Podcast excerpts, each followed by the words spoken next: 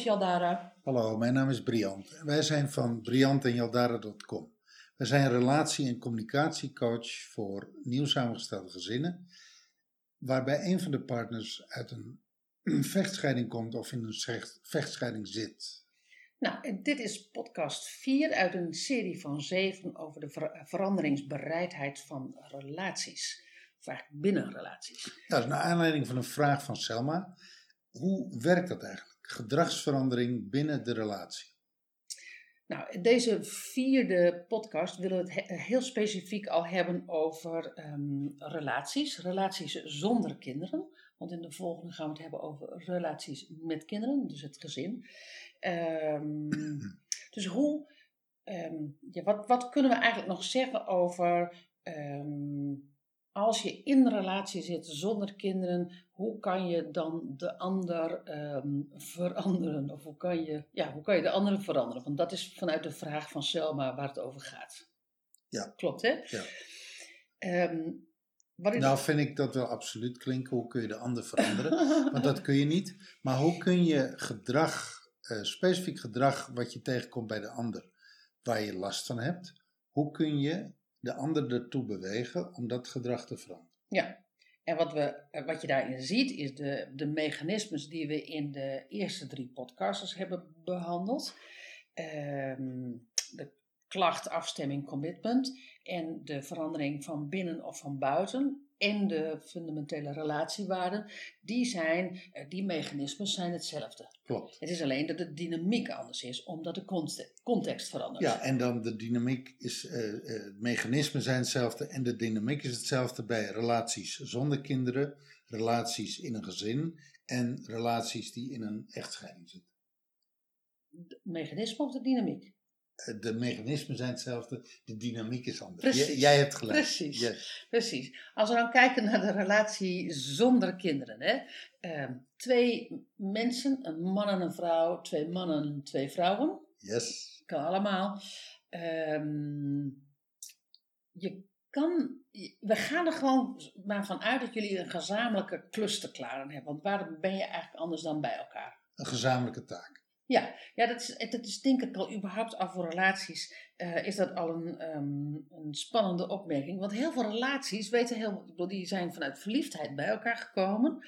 En heel veel mensen hebben helemaal geen missie of visie van hun relatie. Nee, daar, daar, hebben we, daar hebben we natuurlijk in onze periscope tijdens onze 112 dagen challenge. Hebben we daar wel een aantal periscopes ja. over gehad. Ja. Dat het eigenlijk, uh, uh, kijk, op het moment dat je een bedrijf start, dan een van de eerste dingen die mensen aan je gaan vragen: wat is je missie, wat is je visie? En wij zeiden van, eigenlijk geldt dat voor een relatie ook. Ja, ook in een relatie heb je een gezamenlijke visie en heb je een gezamenlijke missie. Ja. Ja, en, dan, en, uh, in ieder geval dat, dat, en heb je dus een gezamenlijke taak. Heb je dus een gezamenlijke taak, weet je. En dat is, um, uh, dat is, dat is voor als je een gezin bent met kinderen, is dat vaak duidelijker. Want dan zeggen heel veel mannen en vrouwen: zeggen, ja, de, de taak is het gezin um, uh, op orde krijgen, de kinderen uh, opvoeden. Maar dat hoeft natuurlijk helemaal niet. Uh, maar goed, anyway, relaties. Daar, daar, zijn veel variaties in Precies. Ja. relaties zonder kinderen is het wel handig om ook dus die missie en visie op orde he te hebben, gezamenlijke taak. Want dat bindt je namelijk. Want anders zou je zo uit elkaar kunnen. Nou, feitelijk, en, en hoe wil je er nou achter komen? Want ik kan me ook voorstellen dat sommige mensen in paniek raken. Zo van shit, ja. moet ik opeens een missie en een visie voor mijn relatie bedenken? Uh, eigenlijk benoem eens wat jullie bent. En dan ben je al een heel eind op weg. Ja, ja want als je. Want um, dat, wat je, dat wat jullie bindt, zorgt er ook voor dat je elkaar aangaat. En zorgt er ook voor dat je uh, moeite voor elkaar doet. Want als je niks bindt, ja, weet je, dan kan je ook gewoon zo de deur uitlopen. Uh, dan mag ik hopen dat je geen um, koophuis hebt, maar anders kan je echt werkelijk zo de deur uitlopen. Of een hond. Ja, ja of een hond of een kat. Ja. Um, dus wat, wat bindt jullie en wat uiteindelijk ook, wat boeit jullie? Ja, ja. Um, dat is dus wel, dat is wel een belangrijk, hè? Um, in het kader van veranderen. Want dat, zorgt, dat binden en boeien zorgt er ook wel voor dat als jij iets veranderd wil hebben, dat de, op dat, van datgene wat niet werkt, dat de ander zegt van, nou ja, daar wil ik wel met je over in gesprek. Ja, Dat, dat uh, dient onze relatie. Precies. Of, of ik kan zien dat dit gedrag of deze eigenschap van mij onze relatie niet dient. Hè? En uh, in die zin ben ik bereid om dat te veranderen. Ja. Zodat het werkt voor jou, voor mij en voor de relatie. Ja. Nou, um, ben je al veel langer bij elkaar, dan kom je natuurlijk nog wel in een andere dynamiek. Zoals? Nou ja, weet je, als je, als je op latere leeftijd um, uh, bent, um, misschien over 60, 70, en je bent al 30, 40 jaar bij elkaar. Um, dan heb je nogal wat opgebouwd samen. Ja, dan heb je veel opgebouwd.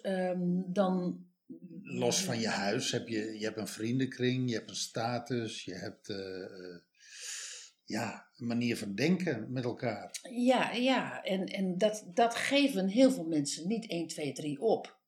Uh, dat is natuurlijk wel de vraag. En waarom, waarom zouden ze het op moeten geven? Nee, voor mij hoeft dat helemaal niet. De, nee. de vraag is alleen wel, even weer terug naar de vraag van Selma, veranderingsbereidheid. Ja. En we hebben natuurlijk in die eerste drie podcasts ook gehad over uh, met name de derde, over die fundamentele relatiewaarden. Um, als je heel erg uit elkaar ligt, ja, waarvoor zou je dan. En je bent niet compatible, waarom zou je zelfs op latere leeftijd dan bij elkaar blijven? Klopt. Dat is toch, dat is, dat is toch zo? Ja. Terwijl juist als je heel veel hebt opgebouwd, dan worden er ook andere calculaties gemaakt. Zo van, nou weet je, ik heb nog uh, zoveel jaar te gaan. Uh, is dat de moeite waard?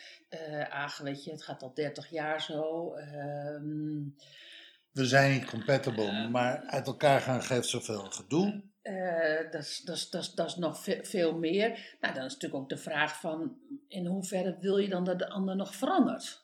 Want dat, als ik er nou even naar luister, dan denk ik van ja, in hoeverre wil... Als het... In hoeverre wil je zelf nog veranderen? Um, Vind ik eigenlijk ook wel een goeie. In hoeverre, als je, als je, als je uh, uh, langere tijd bij elkaar bent Mhm. en uh, je hebt een, een modus gevonden om met elkaar samen te leven en je bent redelijk gelukkig. Weet je, er zijn wel wat dingetjes, maar over in gros en ganzen gaat het eigenlijk goed. En waarom heb jij dan eigenlijk nog uh, de behoefte om te veranderen? nou, Los, van, los van dat je wilt dat de ander verandert. nou, misschien wel omdat je zelf in een andere levensfase komt. Ja, precies. Ehm, en, en die levensfase, die, kan je, die kan, kan je niet allemaal van tevoren even uittikken. Zo van, nou weet je, ehm, eh, als ik 60 word, eh, dan eh, hoort dit of dat of dat bij. Maar het, ik denk dat je ineens overvalt. Dat je zegt van, nou ik heb nog 20 jaar te gaan. Mijn opa die, eh, die is gescheiden toen hij eh 60 of 62 of zo was. Ja, wat had dat voor nut? Die was al heel lang met die vrouw. Ja, had besloten dat hij voor de liefde ging. Was smoor verliefd. Wilde toch nog zijn laatste, achteraf gezien twee jaar, met in verliefdheid eh, eh, doorbrengen. Ja, ja, waar, ja, waar zit hem dat in? Soms op la- latere leeftijd kan je hebben van, als ik het nu niet doe, dan, ehm, dan heb ik mijn leven voor niks geleid. Ik zeg niet dat het zo is, maar het is natuurlijk wel wat je hoort. En mensen die op hun sterfbed liggen, kijken natuurlijk nooit naar wat ze allemaal omgezet hebben of wat ze allemaal verdiend hebben. Die kijken naar ehm, hoe stond ik in het leven? Wie heb ik om mij heen? Heb ik liefde om mij heen? Heb ik liefdevolle vriend- vrienden en vriend- vriendinnen om mij heen? Heb ik liefdevolle familie om mij heen? Heb ik liefdevolle partner om mij heen? Als we hem terugbrengen naar veranderingsbereidheid Mhm. in de relatie. Waar valt dit dan binnen? Waar valt dit op? Nou, ik, ik denk, als we dan even kijken naar de relatiewaarden, eh, open en gesloten, want dat is dan even wat er bij mij zo 1, 2, 3 opkomt. Eh, de openheid naar jezelf toe, dat als jij ouder wordt, ehm, dat jij misschien wel veranderende behoeftes hebt. En dat je dat deelt. Weet ik veel of je, ik zeg niet dat je uit elkaar moet. Maar eh, ik zeg ook niet dat er iets veranderd moet worden. Maar dat je het gewoon deelt. Weet je, ehm, ik zit in een andere levensfase. Ik heb andere behoeftes. ehm, en ik wil dat gewoon tegen je zeggen. En ik wil iets anders. Ik weet ook niet wat. Maar ehm, Erover praten. misschien gewoon lucht geven. Want dat verdient een relatie natuurlijk ook. Hè? Of je nou kinderen hebt of geen kinderen hebt. is dat je af en toe gewoon echt met z'n tweetjes ertussenuit gaat, of je dan gaat wandelen, of je gaat lekker uit eten, of naar de bioscoop, in ieder geval samen, zonder smartphone, zonder, eh, zonder tablets. En dat je dan, ehm, ehm, van, hoe is het met je? Hoe is het met jou? Hoe is het met jou? En hoe is het met onze relatie? Hoe is het met jou in onze relatie? Hoe is het met mij in onze relatie? Ja, hoe is het met, precies. Eh, dus, dus dat je dat gebied gaat ver- verkennen. En misschien wel dat je zegt van, nou, ik ben niet overal tevreden over, ik zou wel iets anders willen, maar ik weet het nog niet. Je hebt natuurlijk, je hebt natuurlijk eh, in, in die relaties zonder kinderen, heb je natuurlijk een aantal eh, eh, stadia. Hè? Je hebt de mensen die hebben nu een relatie met elkaar, hebben geen kinderen, maar willen die kinderen. Mhm. Dan heb je de mensen. Maar die zijn aan het uitzoeken of ze, of ze elkaar de juiste papa en mama van hun kinderen vinden. Absoluut, dus dat is, dat is een hele andere dynamiek. Ja. Dan heb je natuurlijk relaties zonder kinderen, laten we zeggen zo eh, eind 30, begin 40. Waarop het feit dat er geen kinderen gaan komen, of nog net wel gaan komen, dat het definitieve, definitieve punt komt naderbij. Nou, daar zit natuurlijk ook een pijn-plezier in. Als je weet dat dat nog komt, voor zover je dat weet, dan kan je daar nog, eh, kan je daar nog wel met plezier eh, aan, aan denken. En er zijn natuurlijk ook al relaties op die leeftijd die weten dat zij geen kinderen kunnen krijgen. Nee, Ehm, en daar zit een pijn zit daar. klopt. Ehm, En tegelijkertijd, ze zijn zo rond de 40, dus vaak nog heel dynamisch, eh, vol in de ambitie, eh, eh, vol in de actie. Ac- actieve mensen, sportief, buiten, er gebeurt van alles. mhm. Er zit er is een enorme dynamiek vaak rond die leeftijd. En dan heb je natuurlijk de relaties van zo, zo eind 50, begin 60. Ik kijk ons aan en ik denk, joh, Nee hoor, nee, ik ben nog, ik ben nog geen eind 50.